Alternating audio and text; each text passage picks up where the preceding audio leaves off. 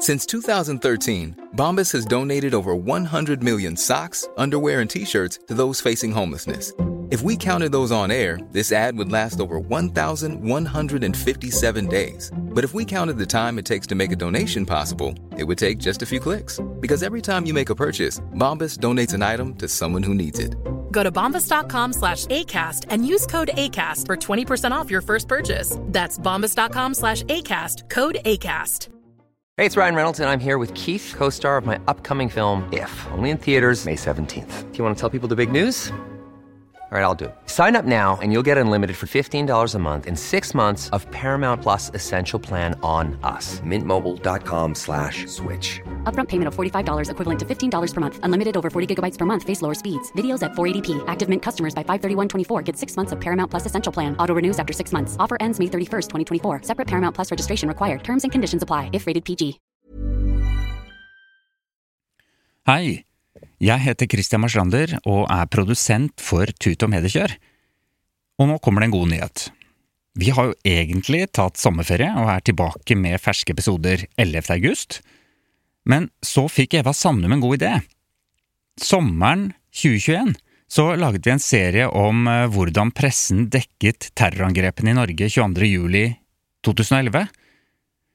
Og den serien var vi såpass fornøyd med, og da gjør vi som NRK ofte gjør, vi sender nå den serien i reprise. Du kan jo så klart selv scrolle deg ned og finne frem til episodene i feeden vår, men det skal du slippe, det er jo tross alt sommerferie. Vi gjør scrollingen for deg. Så her kommer tredje episode av Tut og Mediekjørs sommerspesial fra 2021, som heter Overlevende, etterlatte og pårørende. Hvordan opplevde de mediene? Terrorangrepet på regjeringskvartalet og Utøya skjedde midt i sommerferien for ti år siden. Hvordan var det å dekke dette dramaet for journalistene, og hvordan var det for de overlevende og pårørende og etterlatte å møte mediene? 22. juli er det verste som har skjedd i norsk fredstid. Hvordan klarte pressen seg? Sto de sin prøve? Hvilke vurderinger ble gjort? Dette er tredje episode i 22. juli-spesialsendingen til eh, Tut og Mediekjør, der vi nettopp ser på ulike perspektiver på dekningen av 22. juli, både den gangen for ti år siden, og hvordan det har skjedd i etterkant. Og du heter altså Svein Tore Bergestuen? Fortsatt, og du heter Eva Sandum. Vi har snakket om, eh, og med, eh, flere aktører som har dekka 22. juli som journalister og reportasjeledere osv. Men eh, nå lurer vi altså på hvordan det var på andre siden, blant ofrene, blant de berørte. Ja, fordi eh, journalistene ringte jo til overlevende på Utøya så tidlig Mm. at eh, da dramaet var slutt, så var det flere av de som hadde snakket med mediene som ikke lenger var i live, eksempel. Mm. Eh, og de ringte på et tidspunkt hvor det var hvor de ikke visste. Selvfølgelig, journalistene visste ikke at det var farlig eh, å ringe, for det kunne avsløre hvor de var. Mm. Men allerede liksom fra, fra den timen det, det pågikk, og, og for så vidt i dagene og ukene og månedene og årene etterpå, så har det vært veldig mange intervjuer med, med overlevende og pårørende. Og veldig mange individuelle opplevelser rundt de intervjuene. Nettopp. Noen veldig dårlige erfaringer, veldig mange gode erfaringer. Og vi skal i denne episoden da både høre fra flere overlevende, og eh, vi skal også se på forskningen, for de har forsket på hvordan eh, de overlevende oppfattet media i alle sine faser. Det er et bilde eh, som har brent seg fast i min hukommelse eh, knytta til det vi snakker om nå, og det tror jeg har fra en av TV-seriene, og kanskje også bare lest, eh, og det er når eh, politiet og andre frivillige gikk rundt på Utøya den kvelden etter at eh, Breivik var pågrepet, eh, så er det beskrivelser av at det ringte i telefoner overalt. Ustanselig. Det lyste på skjermer i telt og rundt omkring i de ulike bygningene og sånn, og bare liksom den tanken på alle de desperate menneskene som satt rundt i Norge, prøvde å få tak i sine kjære, ungdommer, eh, ikke visste hvordan det hadde gått med dem, det må jo bare være helt forferdelig. Altså, jeg tenker på det av og til eh, når jeg hører om andre eh, ulykker eller drap eller tragedier som, som skjer i samfunnet vårt fra tid til annen. Den siste jeg syntes var helt forferdelig å tenke på nå, eh, som et sånt slags malapropos, det var to søstre som ble truffet av lynet på fjellet Mm. i sommer. Mm. Eh, og en tredjesøster eh, som overlevde. Altså den tragedien som rammer en familie som mister et barn, eller to. Altså det er så ufattelig for oss som da har barn, da, å- å sette seg inn i. Og så tenker jeg av og til på 22. juli, og øh, jo, jeg tenker på det hvert år, og, men så blir det jo borte igjen. Mm. Men 22. juli så døde liksom ikke to stykker fra en familie. Det døde 77 mennesker. Eller døde, de blir drept. Mm. Eh, og bare, Kaldblodig. altså bare omfanget av den av det terrorangrepet og den bestialske eh, handlingen det er, det er nesten altså Vi har snakket om det nå i, i, i tre episoder, eller to, to episoder, men det er, det er så vanskelig å sette seg inn i. Det er vanskelig å fatte omfanget og rekkevidden av det. Ja, og det som eh, jo er litt interessant, er jo også det at du sier at det, det var mange som døde. Mange flere enn det vi er vant til. Og samtidig så har jo hvert eneste ett av de drapene eh, vanvittig alvorlig og Mm. forferdelig, og det er en individuell historie med en eh, familie og masse berørte, ikke sant? Ja, det er nettopp det, og, det, og, og nettopp fordi det både er vanskelig å fatte omfanget og rekkevidden av det, men samtidig fordi det skjer på en gang med så mange, så øh, klarer man på sett og vis ikke gi nok oppmerksomhet til hver individuelle sorg, på samme måte som øh, AUF-ere måtte velge hvilke begravelser de skulle gå i. Mm. Så En ting Altså, under rettssaken mot Breivik så var det jo veldig mye tid avsatt til uh, vitner som skulle forklare seg. Og det ble også lest opp egne beskrivelser av, av hver eneste som var blitt drept, og så. Eh, og det har jeg tenkt litt på når jeg har hørt om det i ettertid, hvor fint det egentlig var, da. At det ble satt av tid til å høre om hvert eneste menneske som mista livet Mm. den dagen, og at det ble, i den grad det var mulig, gjort en individuell rettssak eh, på vegne av hver eneste en av dem. Vi eh, skal i dag altså snakke om hvordan det var eh, for de overlevende og pårørende eh, å møte media. For denne podkasten handler jo strengt tatt om medienes eh, tilblivelse, eller journalistikkens tilblivelse. Det gjør den. Um, og uh, vi har i første episode snakket om uh, den generelle dommen over mediene, om de gjorde en bra nok jobb. Mm. Uh, I forrige episode snakket vi om billedbruken. Bilder som ikke ble brukt, og bilder som ble brukt, som kanskje ikke skulle bli brukt. Og i dag også Og det faktum at det var mye sommervikarer eh, som gjorde det ekstra komplisert. Mm. Men du har snakket med kanskje den mest omtalte overlevende, uh, for han var tross alt AUF-leder uh, da det skjedde, og han rømte fra øya ganske tidlig. Uh, og det ble også en debatt rundt det, og lagd mange saker rundt det. Og han har stått i en voldsom storm, både i dagene, ukene og månedene, men også årene etter. Det er riktig. Jeg har snakket med Eskil Pedersen. Han kom seg som sagt fra Utøya i live, og han poengterer nettopp dette med at eh, mange fra Utøya var så unge og uerfarne. De var fra land og strand rundt, og helt uten medietrening. Jeg husker jeg var live på, på Dagsrevyen noen dager etter, og, og så kom jeg ut av eh, resepsjonen på Marienlyst, og der sto Se og Hør, fordi de hadde sett meg tidligere i, i sendingen og, og heiv seg rundt og kjørte dit. Jeg takket nei eh, til å la meg intervjue da, eh, og jeg eh, hadde, hadde jo et apparat rundt meg, hadde rådgiver. Eh, I starten så, så, så var jeg nok veldig godt beskyttet eh, gjennom Arbeiderpartiet.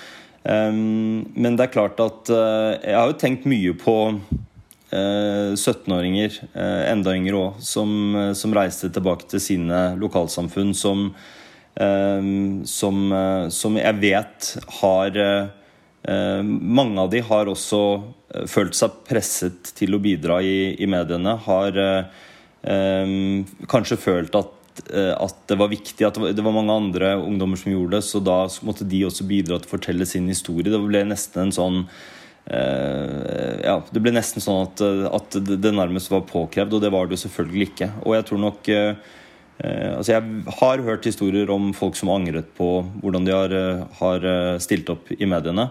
Um, så, så her var det altså eh, mennesker fra hele landet, veldig unge mange av de, som, eh, som uten medietrening plutselig ble hovedpersoner i, i, i, den største hendelsen i Norge i fredstid. så det, det har jeg tenkt mye over. Jeg fortalte deg jo, Svein Tore, at uh, i begynnelsen av juli, uh, nevnte det i første episode, så var jeg over på Utøya. Uh, det, dit kom jeg jo ved hjelp av MS Torbjørn, som vi har lest og hørt veldig mye om. Og det var jo Altså den båten som går fra over til øya? Ja, fra landsiden. Og det var jo med denne båten Eskil Pedersen kom seg unna sammen med syv andre, mange av dem mindreårige. Uh, og i forbindelse med det så har jo alle de som var på den båten, vært i politiavhør. Uh, og Eskil Pedersen forteller da uh, at det er en medieopplevelse som han ikke er så fornøyd med på grunn av det. Um, altså, jeg var, var, ble jo vant til å, å være en offentlig person og være i mediene mye. og det var mange store og små og vanskelige eh, debatter i, i, tiden som fulgte etter 22.07. juli. den aller vanskeligste eh, og såreste, vil jeg si, var da Aftenposten ga oss beskjed om at de hadde fått tilgang på, på lekkede mine og andres lekkede politiavhør. Og hadde bestemt seg for å skrive en sak om det hvor de omtalte eh, hendelsesforløpet for, for, vi som, som eh, flyktet fra Utøya eh, i MS Torbjørn. Og eh, man blir ganske vant når man står oppi noe sånt noe, og, og, og aksepterer at det er mange ting man gjerne skulle ha endret litt på i avisartikler osv., men, men man blir ganske vant til at man, man må bite tennene sammen. fordi uh, i, i den, den, massive dekningen som var etter 22. juli, så, så, så kan, du ikke, kan du ikke uro, uro, deg eller følge med på hver eneste detalj. Men når jeg fikk den beskjeden, eh, så, eh, så var, det, var det veldig krevende. Fordi i den båten så var det vi var, vi var, åtte stykker. Eh, noen av de var mindreårige. Og Aftenposten skulle da skrive en sak om, om hva, hva, vi hadde fortalt til politiet. Og for meg så, så var det et, et, etisk overtramp av de. Eh, så vi eh, jobbet da en god stund eh, i dialog med Aftenposten, hvor vi primært ville at de ikke skulle skrive denne saken. Og, og vi var veldig bekymret for både selvfølgelig de som, de som var fornærmet og hadde avgitt disse avhørene. og og at, at, de måtte få, eh, få, den verste tiden i livet sitt brettet ut i, i, i avisen. Eh, men jeg var også veldig bekymret for hva, hva det kunne gjøre på sikt. Eh, hvis det er sånn at barn i framtiden blir redd for å snakke med politiet fordi at eh, det kan føre til at, eh, at historien står i avisen. Um, så vi, på et eller annet tidspunkt så, så får vi da beskjed om, fra Aftenposten om at de da likevel kommer til å trykke det. Her er jeg litt nysgjerrig på om vi to er enige, Svein Tore. Fordi at eh, det som Eskil Pedersen eh, sier her, det er noe som jeg også er veldig enig i, nemlig at er det ikke en fare når vi stadig vekk leser om lekkasjer fra politiavhør, fra Utøya, men også i andre sammenhenger, at når det skjer gang på gang, så gjør det at uh, hvis vi havner i den samme situasjonen selv, så blir vi sittende og tenke på hva vi sier til politiet, redsel for at det skal havne i pressens spalter. Absolutt. Fordi at jeg har liksom på følelsen at du veldig ofte er litt sånn uh, av den oppfatning at uh, hvis en redaksjon får tilgang på noe sånt, så er det klart at de publiserer det, nærmest. Mm. Fordi at de får ikke sant, Da er det ikke Det er ikke et lovbrudd fra, fra, pressen når de har fått tilgang på det. Da har det lekket fra noen i politiet, kanskje. Mm. Uh, og så gjør de en vurdering at dette er så interessant, og det kan også være vurderinger som er riktige. Mm. At det er informasjon som, eh, som, vi eh, burde få vite om i offentligheten. Ja, men jeg skjønner, jeg skal prøve å nyansere. Jeg mener jo ikke at, uh, at man skal uh, trykke alt som man kommer over og av lekkasjer fra politiet. Man må gjøre en vurdering, og her er det gjort en vurdering i dette tilfellet, f.eks. Mm. Men jeg er veldig opptatt av roller. Mm. Jeg er helt enig i at uh, hvis det er mye lekkasjer fra politiavhør, spesielt uh, kanskje når det gjelder yngre, da, eller uerfarne uh, De fleste av oss er vel uerfarne når det gjelder politiavhør, antar jeg, men, men så mener jeg det er feil. Det er feil å lekke det. Altså, politiet bør ikke lekke informasjon fra politiavhør, de, eh, og det skal de ikke gjøre.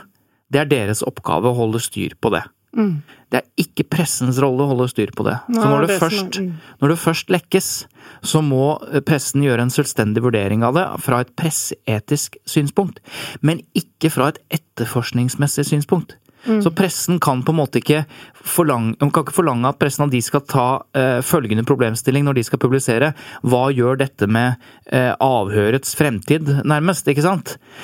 Eh, Men det høres kanskje litt rart ut, for kanskje burde de det. For hvis de er opptatt av at, at unge skal tørre å si sitt i avhør, så burde de kanskje gjort det. Men pressen har andre kriterier og andre vurderinger de må gjøre. Men, eh, men politiet bør skjerpe seg. Det er for mye lekkasjer fra politiet, og det sier jeg med utgangspunkt i at jeg er jo for åpenhet, men jeg er jo ikke for styrte lekkasjer fra politiavhør heller. Sånn Nei, at, men det er ulike roller, da. Ja, jeg skjønner. Eh, Da denne lekkasjen skjedde, eh, og Aftenposten eh, trykket det, så eh, tok jo Eskil Pedersen til motmæle. Eh, For det er jo interessant eh, hvor proffe, eh, og spesielt de som hadde et visst lederansvar i AUF som var på Utøya, eh, hvor proffe de måtte være etter terrorangrepet. Tenk deg det, de var jo unge, forholdsvis uerfarne tross alt. Og så hadde de et sånt ansvar i, den, i mediedebatten og den offentlige samtalen etterpå. De måtte være veldig fattet, til tross for at de hadde opplevd noe så grufullt som de hadde, da. Mm. De brant jo sikkert uh, inne med mye frustrasjon. La oss høre. Uh, Og jeg fikk da den beskjeden uh, om at eh, om på SMS eh, da, at, eh, at Aftenposten likevel hadde bestemt seg for å trykke eh, saken.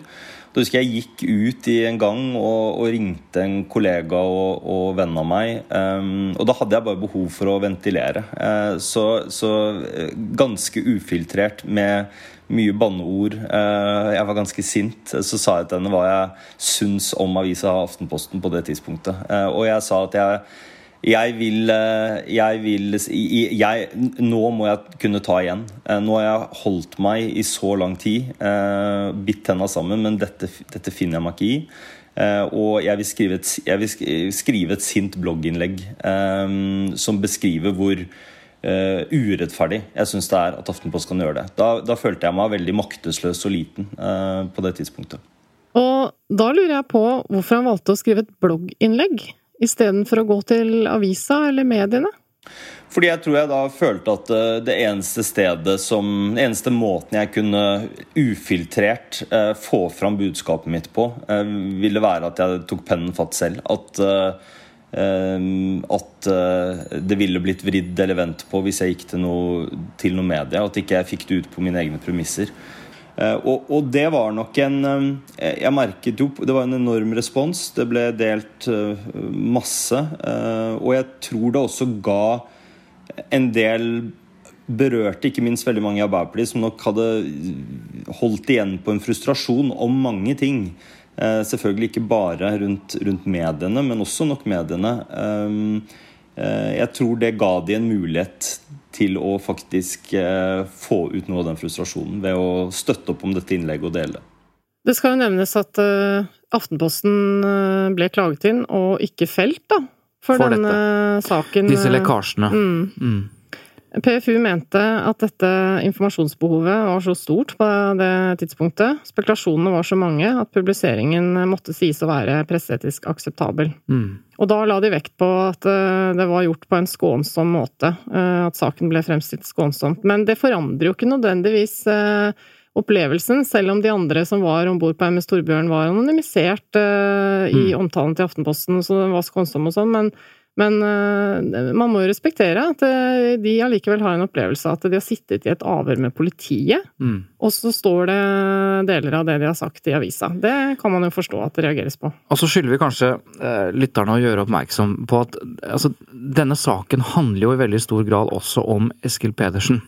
Altså hva slags rolle han hadde. For det var jo sånn at noe av det verste hetsen han har fått etter 22. juli, eh, handler jo om at han stakk av, på en måte. Ja, Han for var leder. Jeg skulle til å korrigere deg i Ja. introen da du sa at han eh, rømte. For Ja. det er jo et litt ladet ord, selv om det er jo riktig. Fordi at eh, eh, Alle rømte. Alle rømte, Ja, ikke sant? De men jeg skjønner hva du mener. Ja. Men dette var en stor sak eh, som jeg i ettertid eh, tenker at jeg syns det er litt rart at debatten Eller, det er ikke rart at debatten oppsto, men, men det å prøve å argumentere for at fordi Eskil Pedersen var leder av AUF, han var i 20-årene, at han skulle tatt et slags lederansvar i kaoset der ute. Når det første som skjer når Anders Behring Breivik kommer, setter sin fot på Utøya, er at han skyter to mennesker i huet. Ja, det blir som å, som å omtale han som om han var kapteinen på et skip, Ja, ikke sant, som skal nettopp. være sistemann som forlater Altså, det er jo helt eh, Og, ja. og, det, og det er Og så er det selvfølgelig mange som tenker på at den ferja kunne ta flere mennesker. Men da må du forutsette at de, at de kunne tenke så klart at nå, er, nå skal vi vente her, og så skal vi løpe rundt på øya og samle inn mennesker for å få flest mulig opp i denne båten. eh, mens det på Altså, Det er så lett i etterpåklokskapen, ikke sant, å jeg syns det var så uverdig, den debatten. Ja, jeg er helt enig. Men eh, det skjedde en annen lekkasje eh, som hadde et litt mer positivt utfall, som Eskil Pedersen forteller om. For Dagbladet de publiserte nemlig nødsamtalen som Eskil hadde med politiet tidlig mens angrepet pågikk. Det at det da ble en stor debatt om, eh, eh, om eh, min flukt fra Utøya, det eh, var jo på en måte bisart og også litt urettferdig. Men, men, men jeg, jeg på en måte aksepterte at den debatten er der. eh, Og, mm, og, og har prøvd å la det påvirke meg i minst mulig grad. Eh, Men det er klart at til tider var jo den vond. Aftenposten og avhøret eh, som ble lekket, er jo eh, et helt konkret eksempel på noe jeg mener aldri burde vært publisert. Eh, Men det ble et lite vendepunkt når Dagbladet eh, publiserte eh, min nødsamtale. Jeg jo, ringte politiet ganske tidlig etter at angrepet startet. Og I den nødsamtalen så ga jo politiet meg og oss beskjed om at vi måtte komme oss i sikkerhet jeg tror det var tre ganger. Så det var jo et eksempel da på, på en litt annen vinkling på hele det sakskomplekset, som faktisk bidro til å endre debatten litt. Ja, ikke sant? Og, og det er viktig. Altså, du, er, du er noen og 20 år, og, og, og det skytes mennesker og drepes mennesker rundt deg. Du kaster deg på en båt, øh, og du, du snakker med politiet. Politiet flere ganger. Ja. Kom, kom Kom dere vekk. Og så vet vi jo også i ettertid at eh, Breivik hadde jo helt konkrete mål, eh, som var ledelsen ja. og Gro Harlem Brundtland, egentlig, og sånn, ikke sant? Så det er ikke noe tvil om at Eskil Pedersen var et mål. Og så er det sånn når jeg leser boka til eh, Tonje Brenna, generalsekretær i AUF, og også har lest eh, uttalelser om eh, og hva som, har hva som skjedde i etterkant der, eh, med flere. Husk på at de trodde at landet var under angrep. Regjeringskvartalet, Utøya. De så at politiet skøyt 17-åringer i huet. Mm. de stolte ikke på noen. Nei. Og det har blitt skrevet, nå husker jeg ikke hvilken bok det var, men det har blitt skrevet eh, nemlig om Eskil Pedersen og hans følge, at når de kommer i sikkerhet, så skjønner ikke de at det er sikkerhet, for de tror at landet er under angrep, og at politiet står bak. Så eh, det har blitt skrevet at da de satt på Hønefoss politistasjon, der jeg har vært fordi jeg var litt eh, rabagast i rusttida, liksom, jeg har sittet på samme sted, når han sitter der på Hønefoss med, med politifolk rundt seg, så er de utrygge. De, de, de tenker fortsatt at her er det fare på ferde. Og det er den tenkningen eh, kommentatorer eller folk som har løftet fram liksom, eh, denne debatten negativt, da, ikke fatter. At, eh, at altså det, det er helt umulig å sette seg inn i da, hva slags situasjon eh, de var i. Og det, ja. Ja. Katarina Goldfein Johnsen var 17 år eh, da hun var på Utøya. Eh, 22. juli i 2011, og kom seg også unna uten å bli fysisk, eh, fysisk skadet, altså skutt. Eh, Men hun reflekterer litt eh, nå i ettertid eh, om det å møte lokalpressen da hun kom hjem til Tromsø. Ja, det, la meg bare da tilføre at når vi leser om forskningen rundt Utøya-overlevendes møte med media, så er det et ganske stort skille også mellom lokalmedier og sentrale medier, eller riksmedier. Ja. ja. På godt og vondt. Fordi eh, presset er større på lokalmedier. Altså, lokal, altså det å føle at man må stille opp. Men det er også sånn at kompetansen dessverre ofte er lavere eh, i lokalmediene. Kan være, da. Rundt den type Rundt alle vanskelige, krevende etiske beslutninger. Mm. For det er litt som et uh, lokalsjukehus som ikke har den beste kirurgen tilgjengelig. Mm. Det er litt sånn at uh, grunnen til at VG nå felles sjelden, og lokalaviser dessverre ofte felles på en del i Pressens faglige utvalg, handler jo om at bevisstheten og erfaringen og kompetansen på presseetikk ikke er helt på topp. Mm. Det må jo være lov å si. Så Katarina Golfein Johnsen kom altså hjem til Tromsø dagen etter 22. juli. 22. juli ble vi jo samla på Sundvolden, alle overlevende som ikke var skutt. Eh, og 23. juli ble vi eh, henta av et eh, SAS-fly som var chartra for oss fra Nord-Norge. Så vi kom til Gardermoen og reiste med dette flyet som var fullt av overlevende og pårørende. og kommunen, Tromsø kommune sitt kriseteam. Og da vi landa i, i, Tromsø, så, så venta både journalister og, og fotografer. Eh, og de hadde fått beskjed om at de ikke skulle eh, snakke med oss, ikke skulle eh, gå bort oss, ikke ta nærbilde av enkeltpersoner. og det respekterte de. Og så gikk jeg og ei venninne eh, ut eh, etter hvert for å få litt eh, luft. Og da var det en, en, av de journalistene og en fotograf som nærma seg på en veldig forsiktig måte. De spurte om de kunne få gjøre et intervju. Vi, sa, vi tenkte oss litt om, og så sa vi at det var, det var greit at de gjorde intervju, men vi ville ikke bli tatt bilde av. Vi var jo Vi hadde fortsatt ikke dusja, ikke sant. Altså vi, vi kom i, i, klær som eh, Kapal hadde sendt til Utøya-ofra eh, eh, til Sundvolden. Så vi hadde på sånne joggebukse og, og eh, hettegensere. Så vi sa ja til intervju, gjorde intervjuet, og da spurte de etter intervjuet om de kunne få ta et bilde av oss. Og da nølte vi først, og hadde egentlig Vi hadde jo allerede sagt nei til det. Ble spurt igjen, og så godtok vi å ta et eh, mer anonymt bilde, der de tok bilde av ryggen vår eh, og ikke fjeset. Um, men jeg syns jo at vi ikke skulle ha eh, vært pressa dit når vi var i en eh, såpass traumatisk situasjon. Dette var jo, dette var jo 24 timer eller noe sånt etter eh, terrorangrepet. Så vi var enda kjempetraumatisert og fortsatt i krise. Fortsatt redde, fortsatt eh, nervøse og 17 år gamle. Vi var barn. Vi var ikke i stand til å eh, egentlig avgjøre noe som helst med det. Jeg har tenkt i ettertid at det var en eh, veldig liten sak. At det, det er ikke så Eh, at, at, det ikke var et så stort uh, overtramp. Uh, men ti år senere så står jo fortsatt den dobbeltsida Jeg ser den jo for meg akkurat nå. Jeg, vet nøyaktig hvordan det står ut. Og jeg kjenner på at jeg skulle ønske at de ikke hadde spurt igjen. Jeg skulle ønske at de hadde gitt seg med en gang vi sa nei til bildet. For det syns jeg er ubehagelig i ettertid.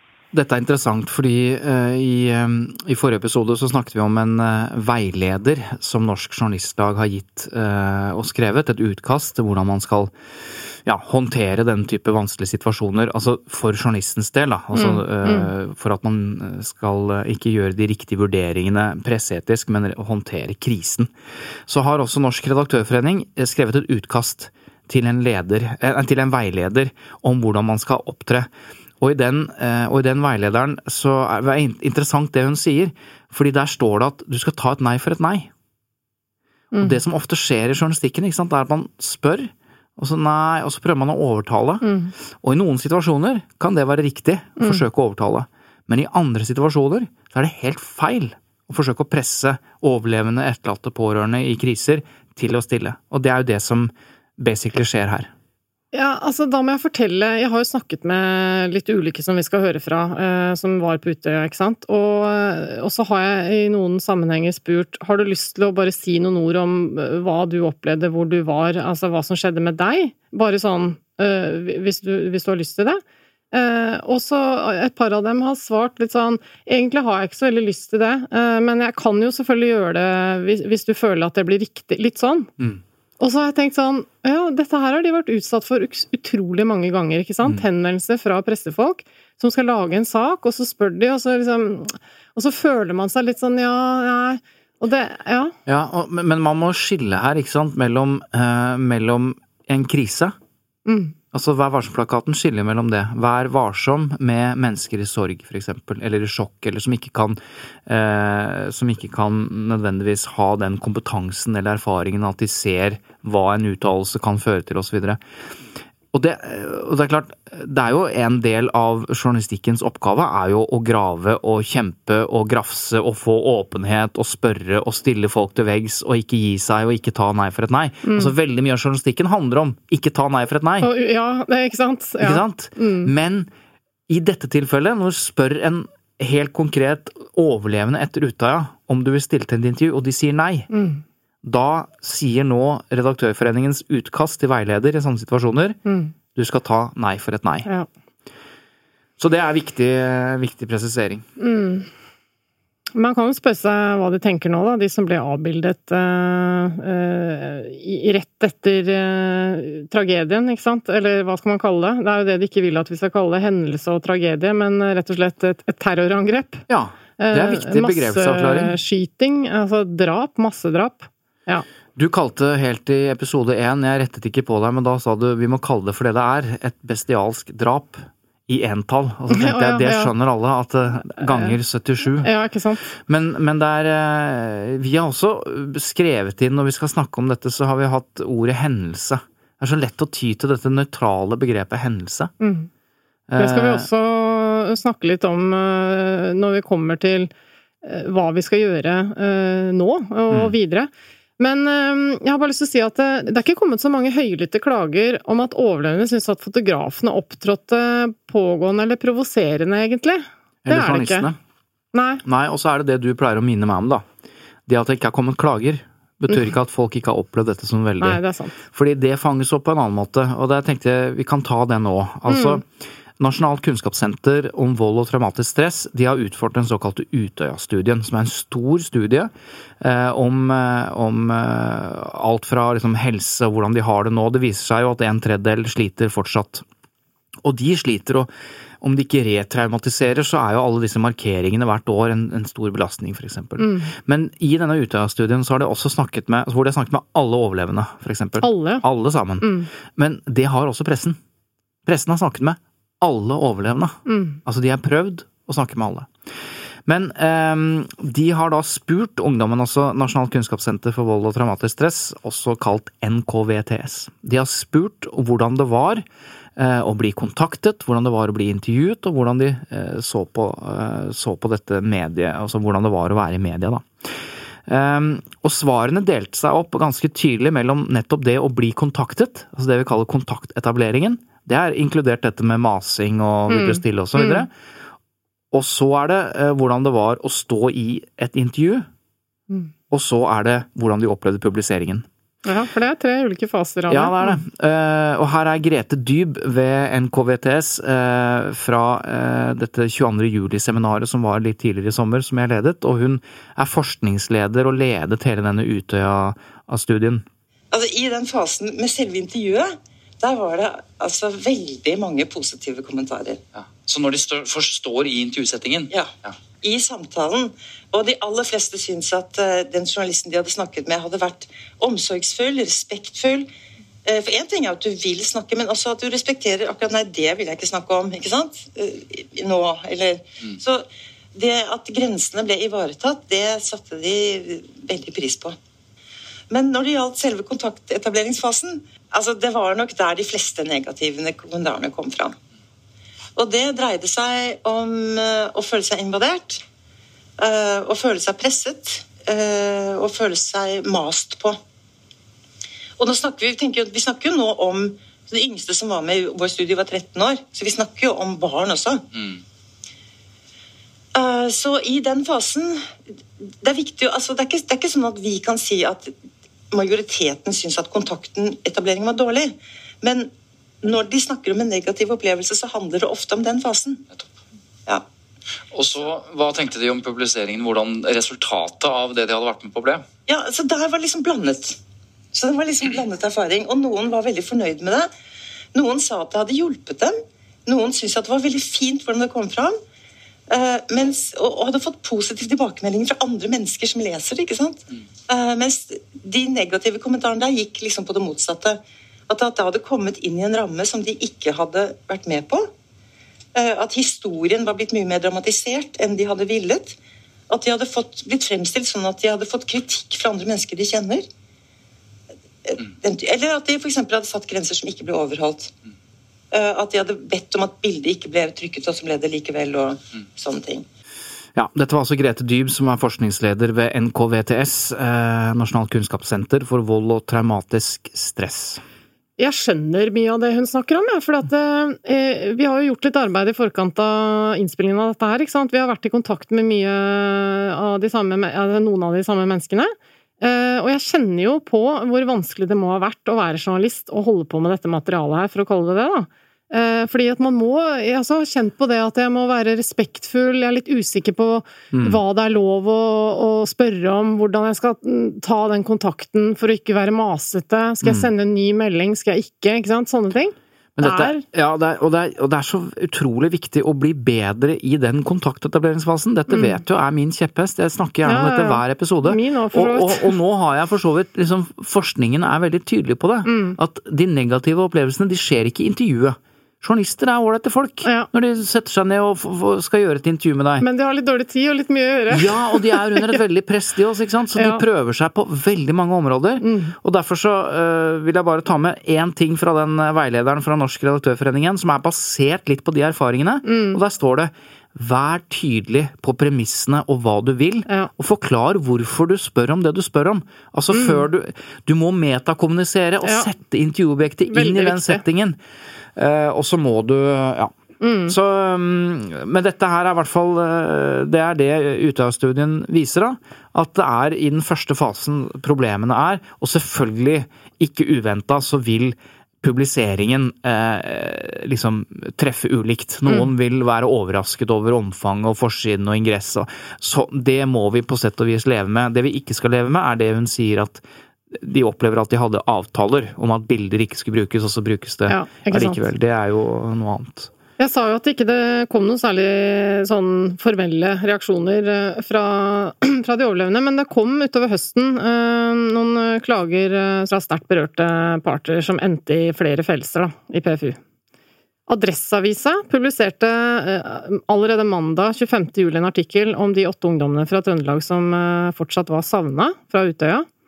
Og flere av de ungdommene ble presentert med navn og bilde mm. i avisen. Og moren til en av de identifiserte reagerte og kontakta avisen, og på det tidspunktet så visste hun ikke om sønnen hadde overlevd eller var drept. Og hun hadde en annen sønn som eh, hadde vært på Utøya og overlevd, og som ble sterkt berørt av å se broren da, i avisen, ikke sant, fortsatt mm. savna. Så moren eh, ba avisen om å ta hensyn, ikke publisere noe mer før familien hadde fått hørt fra politiet. Eh, dagen etter så ble sønnens navn og bilde publisert på nytt. Adresseavisen viste til et stort informasjonsbehov, og, og sånn er det jo i lokale aviser, ikke sant? Det er ofte at de fokuserer på de som er fra distriktet som de dekker. Ja, at de var delvis offentlige fordi de hadde politiske verv og sånn også. Mm. Og at hans eh, status som savna allerede var kjent, da, viste de også til, eh, for omgangskretsen via Facebook osv. Men eh, PFU ga Adresseavisen kritikk for dette her. Altså, de mente det var viktig at mediene, og særlig den situasjonen her, forsto behovet da, for å vise hensyn og ja, så ja. der har du en kritikk, altså ikke, en, uh, ikke et brudd på, på Hva var som-plakaten, men ja. kritikk. Ja, som er et mildere brudd, kan du si. Ja. Mm. Men det er en ting jeg har tenkt på. altså uh, Eskil har jo snakket om dette her med at det er ikke sant, Mange er unge, de er uerfarne, de er dårlig trente. Mens deler av Arbeiderpartiet eller AUF sin ledelse, de er jo proffe i miniatyr. Mm. Det er litt sånn som, eh, ikke sant, De er ungdomspolitikere, og selv om de er litt mer høyrøsta, litt mer livlige, så er de på en måte voksne, de er profesjonelle.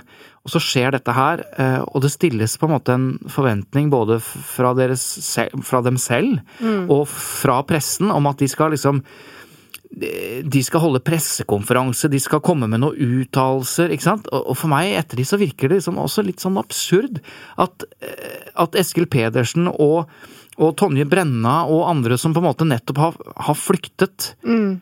Skal sette seg bak en pult på Sundvolden hotell og liksom arrangere pressekonferanse. Ja, vet du hva, det snakket han om. Eh, Ja. Eskil Pedersen fortalte litt om akkurat det som skjedde der. Ja, fordi, fordi da, da kommer det jo noe budskap, Mm. ikke sant, som de har, som de har rukket å, å planlegge, da. Mm. Vi hører hva han sier. Uh, ja, vi var uh, uh, samlet hele AUF-ledelsen på Sundvolden eh, fra Jeg kom sent på kvelden den, den 22., og vi var samlet der sammen med egentlig tidligere eh, AUF, både AUF-ledere, Anniken Huitfeldt, Gry Larsen flere, som, som satt sammen med oss. eh, Um, den kvelden og morgenen, um, og hvor vi på et tidspunkt uh, sier at, at vi må begynne å planlegge en, en pressekonferanse. Uh, og vi satt rundt bordet og diskuterte hva, hva vi skulle si. jeg husker Anniken Huitfeldt på et tidspunkt sa Og så må du si 'vi skal tilbake på Utøya'. og for meg da, og jeg tror for, for alle, alle vi som hadde overlevd som satt rundt bordet, så så Hva skal jeg si? Jeg fikk en sånn fysisk reaksjon hvor jeg tenkte dit skal jeg aldri igjen. Um, men så gikk det bare noen sekunder før man uh, I hvert fall jeg tenkte at jo, det er det riktige å si. Det er det riktige å si, selv om det, det, det føles krevende. Så vi eh, diskuterte hva budskapet skulle være, og så satte jeg meg uh, ned og skrev for hånd ned det som var budskapet på den pressekonferansen. Og det var jo at at AUF ikke kan trues bort fra sine standpunkter eller, eller sine arenaer, og at vi skal tilbake på Utøya. Og det handlet jo både om et fysisk mål, om at vi en gang skulle igjen ha kunne ha sommerleir på Utøya, men det handlet jo også om å ikke la terroristen få lov til å definere hvordan, hvordan Norge skulle være, og hva vi kunne og ikke kunne gjøre. Men det var jo også å følge opp det budskapet Jens hadde hatt tidligere, altså kvelden før, uh, om, om, at vi måtte stå sammen. At, at vi skulle forsvare demokratiet og, og, og landet vårt. Og, og, dette her, dette er overraskende for meg. Dette har ikke jeg visst. At at nå sier han helt konkret at det var Anniken Huitfeldt, altså tidligere AUF-leder, mm. stortingspolitiker fra Arbeiderpartiet, som sier at, at, vi må si dette med Utøya. For jeg husker jo at eh, da det ble sagt, og jeg satt og så på pressekonferansen, så tenkte jeg nei, nei, nei. Mm. Det må du ikke si. Du kan jo ikke ta Utøya tilbake igjen, er det du vil? Det er uh, det største massedrapet på norsk jord. Er på den lille øya. Skal vi drive og spille fotball og gå kjærlighetsstien og holde hånd i hånd og late som Det går ikke! Mm. Så jeg husker jeg var altså så eh, fortørnet over akkurat det valget, og, og, tenkte at ok, nå er det dagen etter, liksom.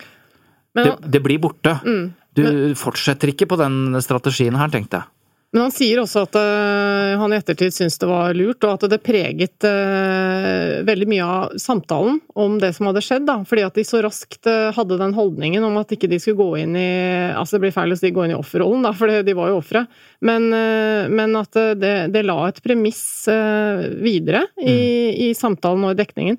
Det han også nevnte når jeg snakket med han, var jo med stolthet hvor raskt, tross alt, selv om det nå har gått ti år, da, men etter fem år så var jo veldig mye av Utøya Ja, altså bygningene er jo hegnet inn, som jeg nevnte tidligere.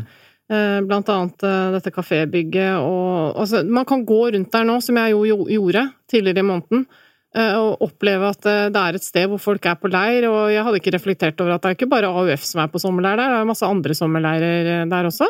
Og folk som drar på, på tur ut til, til dette demokratiet, mm. ytringsfrihetssenter.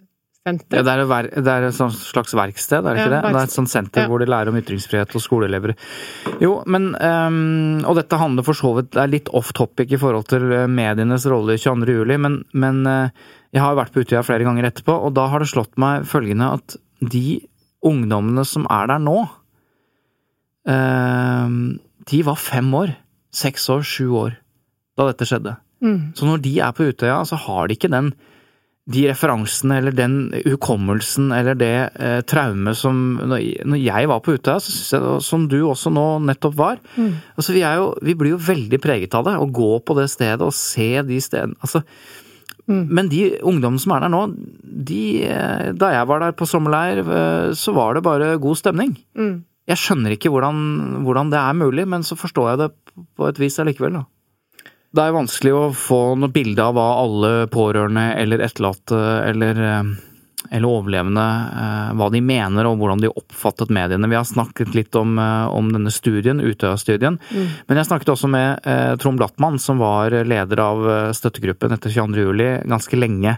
Og, og hva, hva, medlemmene fortalte han om opplevelser med, med media. Nei, Det var jo en del som fortalte om veldig spesielle tilnærmingsmåter som ikke var hyggelige. Eh, og det fikk vi jo tilbakemeldinger på.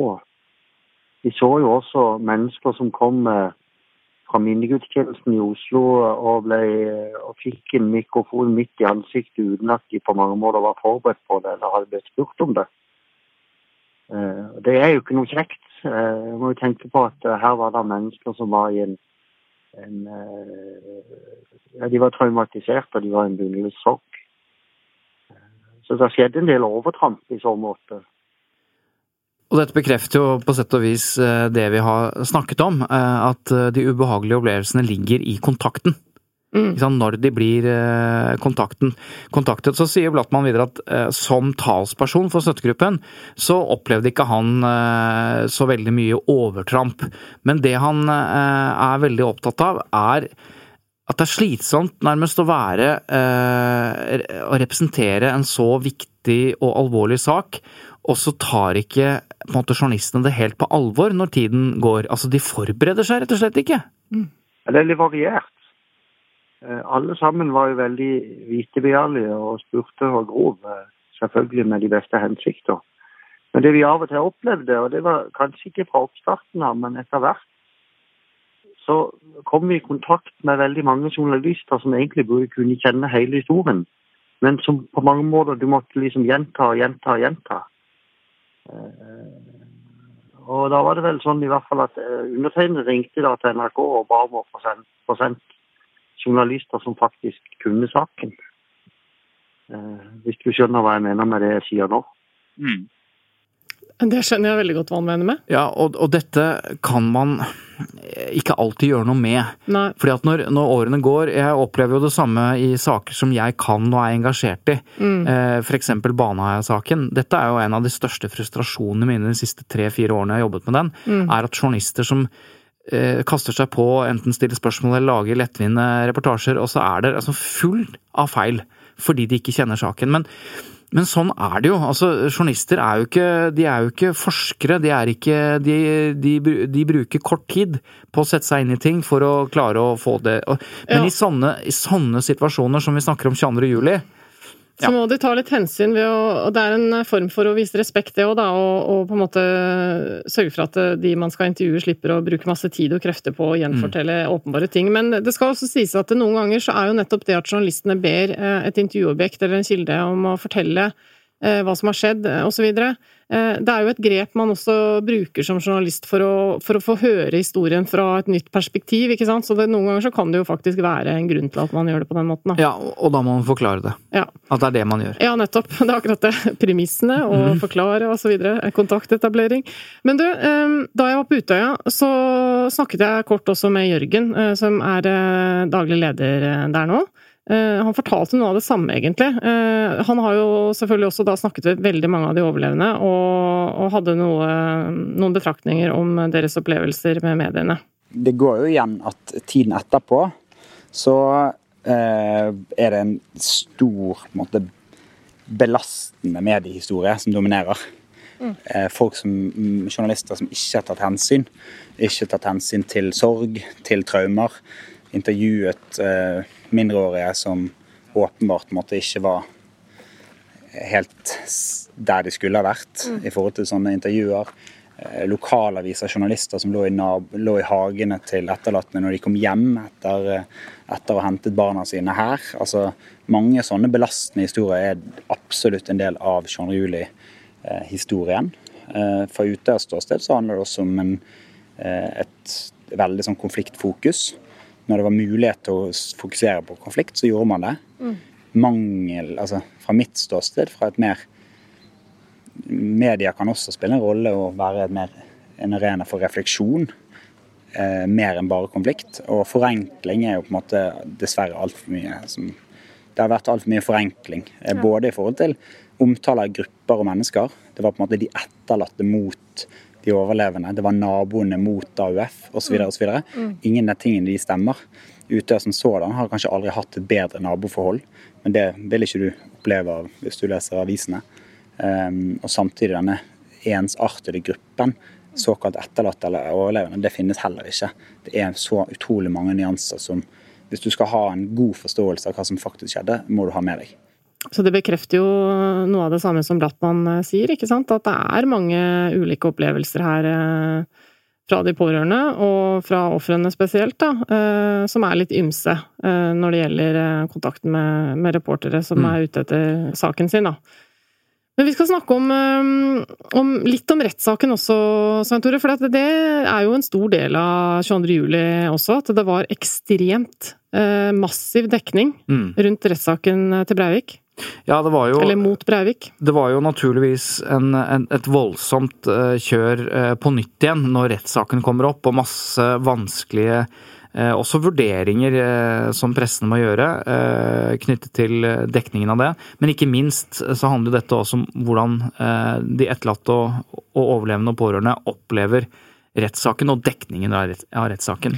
Det handla jo også eh, i stor grad da om eh, hvorvidt eh, Breivik var strafferettslig tilregnelig eller ikke. Det er klart det hadde mye å si for, for ofrene og de etterlatte, og hvorvidt han skulle få en håper å si, ordentlig straff for det han hadde gjort.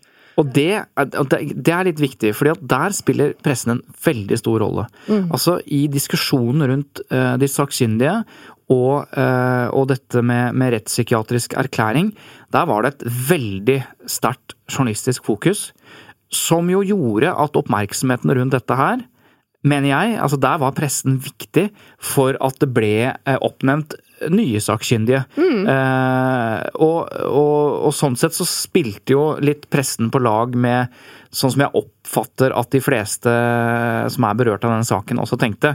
Vi kan ikke ende opp med at dette er en eh, gal mann som, eh, som havner i, i psykiatrien. Eh, så får vi bare håpe at det var riktig, da. Eh, men alt tyder jo på det. At, at det var en riktig vurdering i, i andre omgang der. Ja, og den rettssaken den har vi alle følt eh, nært på kroppen eh, gjennom den omfattende dekningen som var. Eh, omtrent 800 akkrediterte journalister fra 170 ulike redaksjoner var i Oslo den uka Mm. rettssaken starta, for å dekke den. Eh, jeg husker jo at mediehusene hadde egne telt og drev løpende rapportering dagen lang eh, derfra. Og på den tiden så syns i hvert fall jeg at det opplevdes som for mye.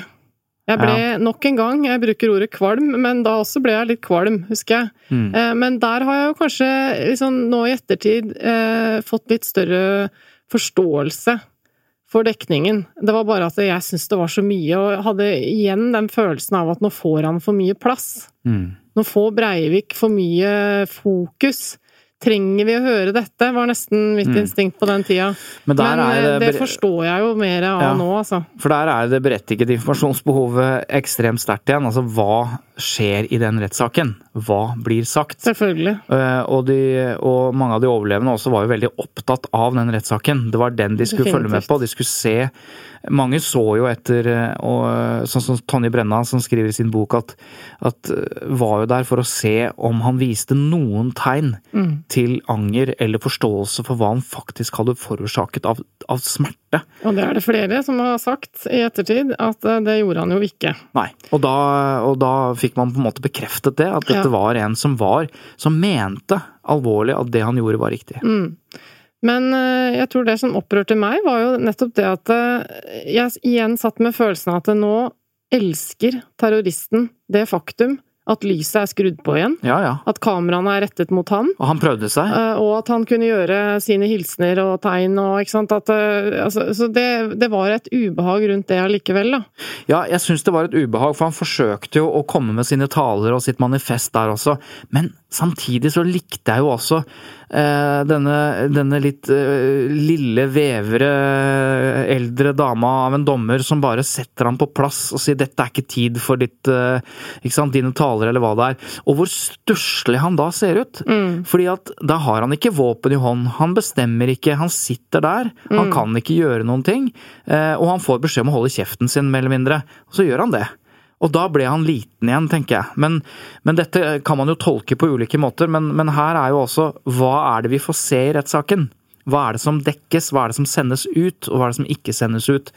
Og den er nøye dokumentert, så det kan man jo håpe å si grave seg ned i, for der er det veldig mye god dokumentasjon eh, takket være pressen. Men verdenspressen fulgte jo også saken. eh, Både da terroren utspant seg 22.07, men eh, de var jo tilbake i Oslo også under rettssaken utenfor tinghuset, da. Eh, Det var Reuters, Ap, altså Associated Press, CNN, Sky News, Al Jazeera, altså hele verden var jo der. Det var altså flust med mediefolk. i Oslo. Forventet. Ja. Uh, og, og, men ja, de overlevende vi snakker med, oppfattet vel ikke primært presset fra eh, de utenlandske som uh, noe verre eller noe større eller noe Altså, det var jo forventet. Man visste at hele verdens øyne ville være rettet mot Oslo tinghus under rettssaken. Mm. Så var det jo eh, frykt eh, for etiske overtramp eh, fra, fra de utenlandske mediene. Fordi de, de valgte f.eks. å sende opplesningen av tiltalen i sin helhet. ja. Ikke sant? Norske medier utelot de mest detaljerte beskrivelsene av f.eks. drapene på, på Utøya. Men både amerikanske CNN og, og britiske BBC og svenske Aftonbladet syntes det var greit å offentliggjøre detaljene. Og, og VG hadde en, en sånn sak, husker jeg, om, om nettopp det.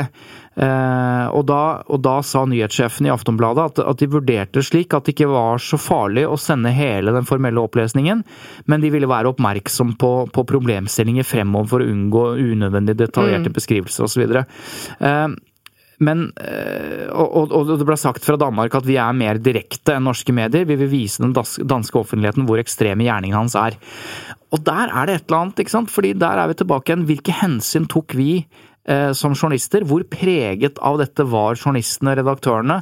Eh, jeg mener, vi hadde venner, slektninger, eh, pressen, en sjef i VG hadde datteren sin der. Altså, vi var ekstremt nært på, og hvor mye preget det våre vurderinger av hva vi skulle, eh, skulle sende eller ikke. Og der var det et klart skille igjen, da. Både i billedbruk, som vi har snakket om tidligere, og detaljerte beskrivelser som kom fram i, i retten. Og det er litt interessant at eh, selv om det berører oss veldig nært, så kan jo ikke noen utenlandske medieklipp klages inn Nei.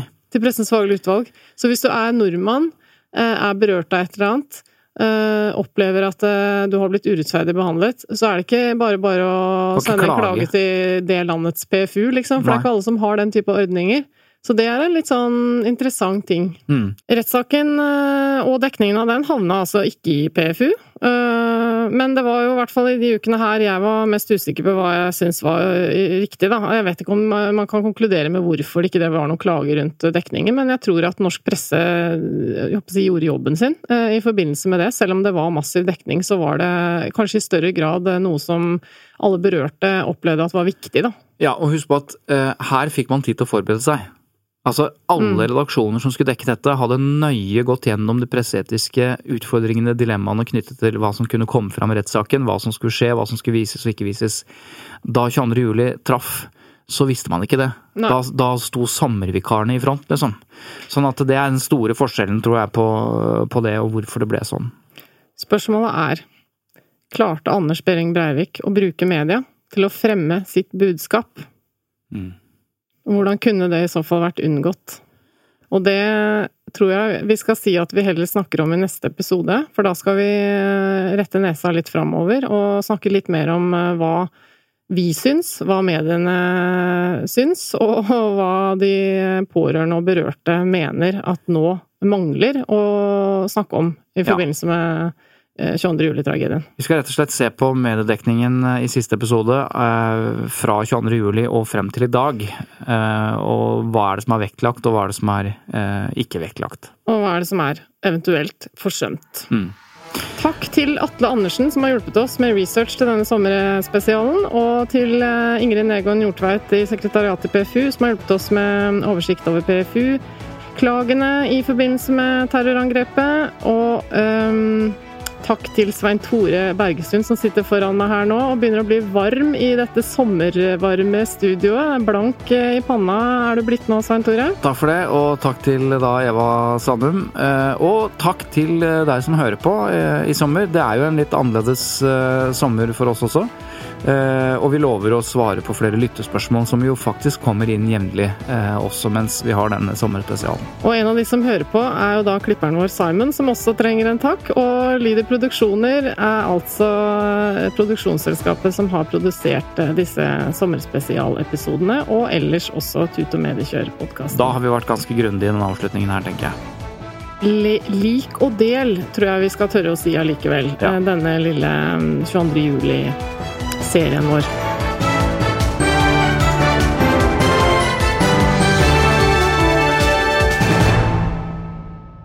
Du har hørt tredje episode av Tut og Mediekjør sin sommerspesial om medienes dekning av terrorangrepene 22. juli 2011. Denne serien er laget i 2021.